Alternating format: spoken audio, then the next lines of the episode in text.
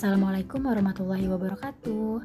Perkenalkan nama aku Maurin Wanda Sabrina Akrab dipanggil Maurin uh, Dari jurusan Ilmu Kesejahteraan Sosial UI Angkatan 2019 Dalam audio kali ini aku akan menceritakan beberapa pengalaman hidup aku selama 20 tahun yang mungkin sangat aku notice.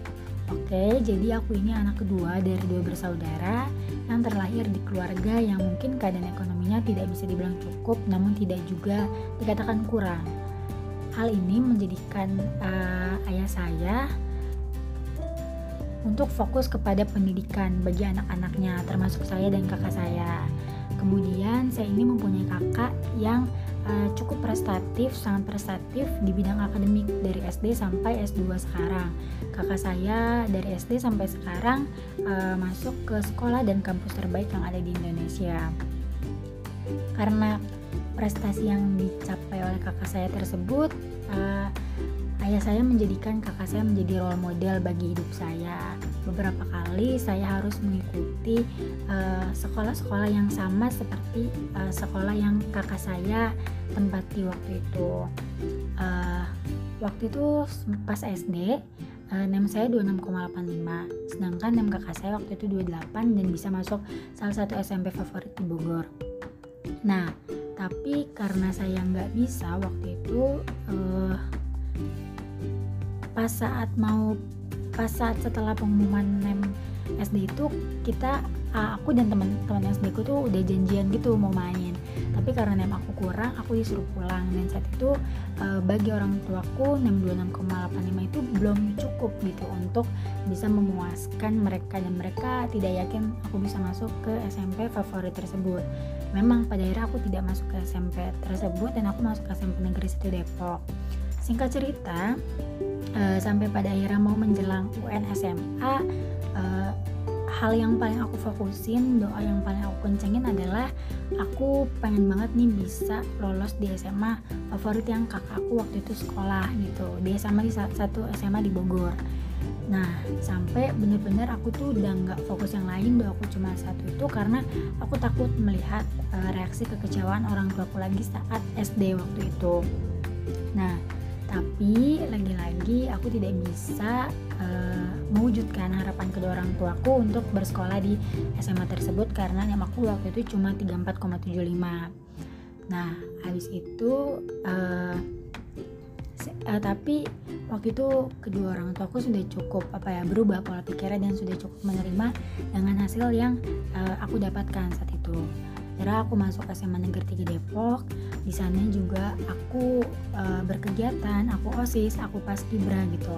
Nah uh, di paskibra ini sih aku menemukan keluarga baru aku di SMA Negeri 3 Depok dan mungkin kalau nggak ada mereka aku nggak tahu kehidupan SMA aku seperti apa waktu itu mereka tuh sangat-sangat menjadi apa ya kenangan yang sangat manis sangat uh, baik menurut aku maka aku menjadikan mereka seperti keluargaku sendiri Nah, karena aku pas itu dari SMP dan SMA, saat SMA itu ada pembukaan uh, Paskibraka Kota Depok.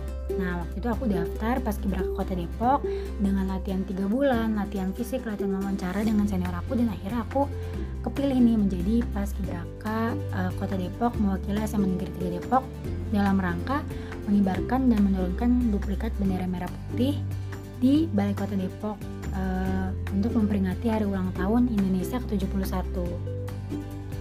Nah, waktu itu uh, banyak banget hal-hal yang aku pelajari ketika aku pas kibraka selama lima bulan kan kalau nggak salah aku dibimbing dilatih gitu baik fisik baik mental gitu.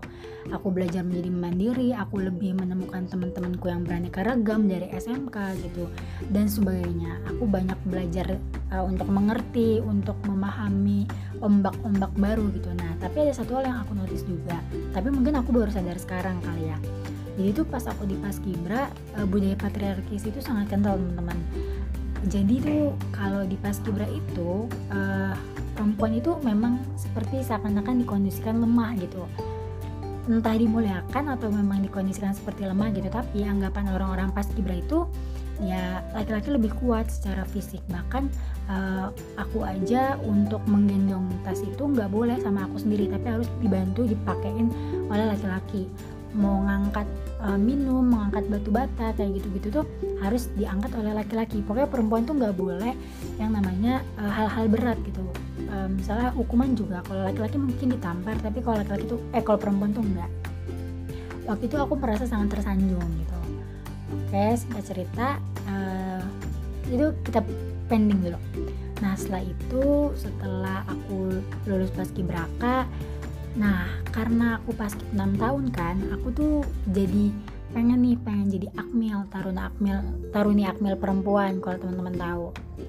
Nah karena aku sangat suka nih dengan sistem paskibraka yang teratur aku sangat suka sistem paskib itu aku nyaman di sana walaupun banyak apa ya banyak yang gak sukanya juga tapi aku ngerasa enjoy gitu. Nah akhirnya aku mau tuh ditaruni akmil.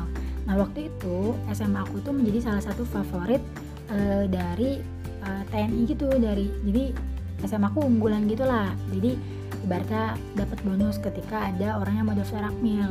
Akhirnya ada penyuluhan sosialisasi di SMA aku eh tapi uh, ternyata uh, pembukaan untuk taruni akmil itu nggak dibuka saat itu. Jadi nggak ada pendaftaran untuk perempuan. Sedangkan aku tuh udah latihan selama uh, kalau kurang lebih empat bulan untuk latihan berenang aku lah latihan fisik setiap hari latihan buku-buku soal untuk tes taruni gitu. Jadi aku bener-bener fokus aku ke akmil waktu itu. Karena aku pas kelas 12 tuh aku baru ngerasa aku nggak punya minat di IPA karena waktu itu aku jurusan IPA nah saat itu sakit hati lah gitu kan. Ya cukup down karena waktu itu aku nggak tahu lagi nih mau apa sedangkan aku udah kelas 12 gitu. Dan cukup effort yang gede gitu ketika aku harus mengejar teman-temanku uh, yang udah belajar SBM duluan. Karena lagi-lagi aku juga nggak masuk kuota SNMPTN 50% tuh aku nggak masuk. Nah akhirnya ya udah uh, belajar belajar les les IPA dan akhirnya karena aku juga ngerasa sih pas aku les IPA itu kayak ya udahlah aja gitu. Kayak gak, gak serius-serius amat karena aku bener-bener blank gitu kan. Nah akhirnya ya udah uh, eh, SBM aku nggak lolos ujian mandiri aku nggak lolos. Pokoknya aku tuh 11 PTN aku tuh nggak lolos gitu. Karena aku nggak diterima di mana-mana deh mau ujian mandiri mau D3 D4 aku nggak lolos di mana-mana. Tapi ada satu hal yang menarik waktu itu. Aku ingat banget uh, perjuangan orang tua aku saat aku mau tes di UGM sama di Undip. Waktu itu keadaan ekonomi aku lagi bener-bener di bawah banget lagi di bawah banget sampai uh, aku tuh ke Jogja dan ke Semarang itu cuma bawa beberapa ratus ribu gitu. Uh, cuma bawa ratus ribu dan waktu itu sempet jual barang yang ada di rumah gitu untuk bisa aku berangkat dan daftar ujian mandiri gitu. Pokoknya uh, sesulit itulah ekonomi aku tapi aku maksain untuk dapat uh, tes bahkan kenapa aku tes di Jogja dan di Semarang? Karena waktu itu harga tes di Jakarta tuh lebih mahal kan 500 ribu gitu. Dan aku lagi gak ada uang gitu. Akhirnya ya udah mau nggak mau daftarnya yang pas gelombang di Jogja. Akhirnya aku ke Jogja. Ya udah singkat cerita aku nggak lolos gitu-gitu kan. Uh, bahkan itu waktu aku di sana juga tipes aku dirawat sama temen aku aku numpang ke rumah dia gitu kan nah abis itu nggak lolos semuanya ya aku sempat memikirkan apa mau swasta kayak gitu kan. Dan tapi setelah apa ya meditasi panjang berenang panjang gitu kan akhirnya aku milih gap waktu itu bener-bener gak ada hari tanpa nangis deh karena aku melihat semua teman-teman aku udah upload Wibon ya masa-masa kayak gitu lah masa-masa insecure itu udah dimulai gitu. Ketika semua orang udah berproses dengan aku harus milih untuk gap waktu itu kenapa pada kira aku memutuskan gap aku tuh punya kakak kelas uh, di FEB dia waktu itu memutuskan gap juga. Terus aku cerita-cerita dan akhirnya aku memutuskan gap untuk apa? Kayaknya aku perlu rehat gitu. Aku perlu rehat. Uh, setahun ini aku perlu mengenal diri aku lebih dalam. Aku perlu evaluasi lebih banyak apa-apa aja yang udah aku lewatin apa yang harus diperbaiki.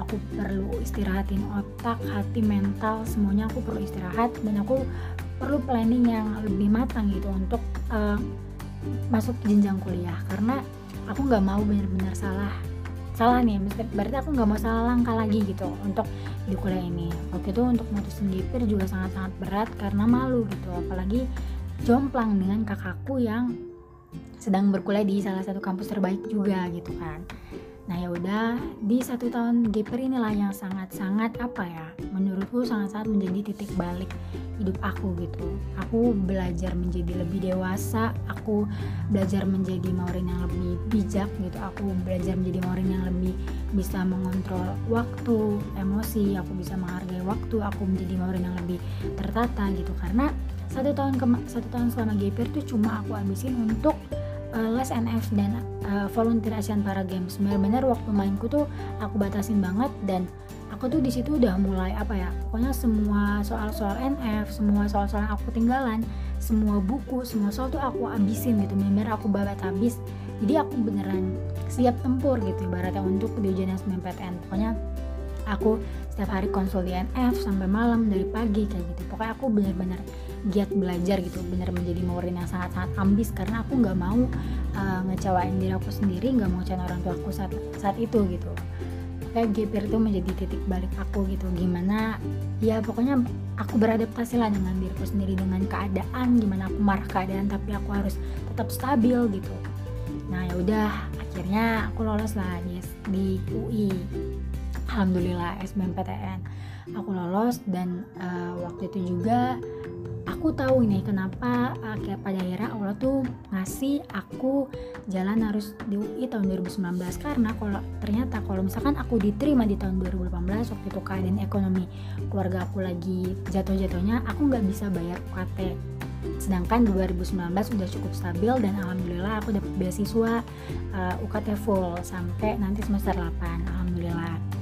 Nah uh, masuk UI ternyata nggak semudah yang aku bayangin gitu uh, lingkungannya sangat kompetitif, orangnya sangat beragam gitu. Apalagi di fisik menurut aku yang sangat liberal itu tuh sangat sangat-sangat membuat diri aku apa ya terpacu tapi sekaligus insecure gitu teman-teman. Kalau teman-teman tahu dulu tuh sampai aku berpikir lagi kayak apakah aku cocok gitu? Bener gak sih gue masuk UI gitu? Cocok gak sih? Tepat gak sih jawabannya? gitu.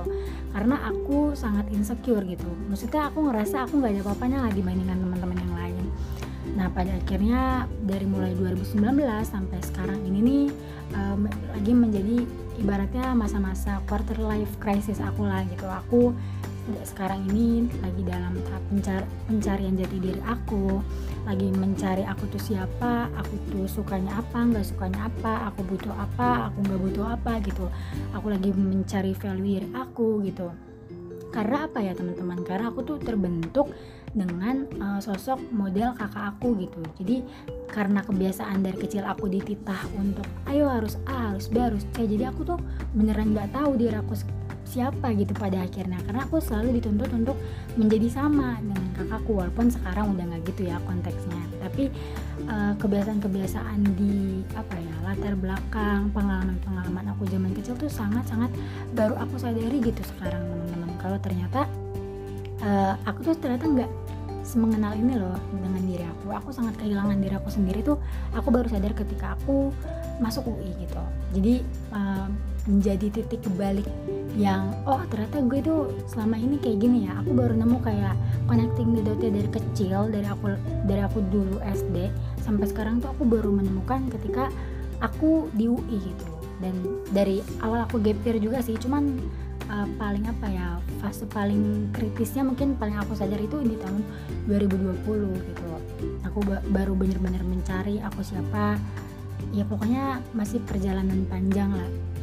Dan apa ya emosiku juga lagi uh, naik turun stabil nggak stabil. Jadi uh, benar-benar tahap ini tuh sangat menjadi mendewasakan aku gitu. Aku bener perlu struggle banget sama diri aku sendiri gitu. Karena aku gampang ke trigger juga orangnya gitu-gitu teman-teman. Ya jadi uh, tapi aku sangat-sangat bersyukur juga masuk UI aku banyak juga insight-insight yang aku temuin. Dan aku pelan-pelan mencoba untuk menata mimpi-mimpiku lagi dengan sambil dirinya aku mencari siapa diri aku gitu aku butuhnya apa aku maunya apa. Dan aku nggak pernah nggak pernah menyesali sih apa-apa yang udah terjadi. Aku sangat bersyukur gitu uh, menjadi Maureen yang sekarang dan insya Allah akan menjadi Maureen yang lebih baik. Uh, mungkin segitu aja cerita dari aku. Uh, kalau misalkan teman-teman mau cerita lebih lengkap ya.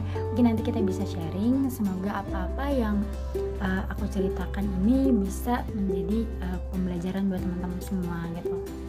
Karena aku percaya uh, takdir itu uh, gak bisa diubah. Ibaratnya yang cuma bisa dirubah adalah uh, sikap dan pola pikir aku. Oke cukup sekian. Wassalamualaikum warahmatullahi wabarakatuh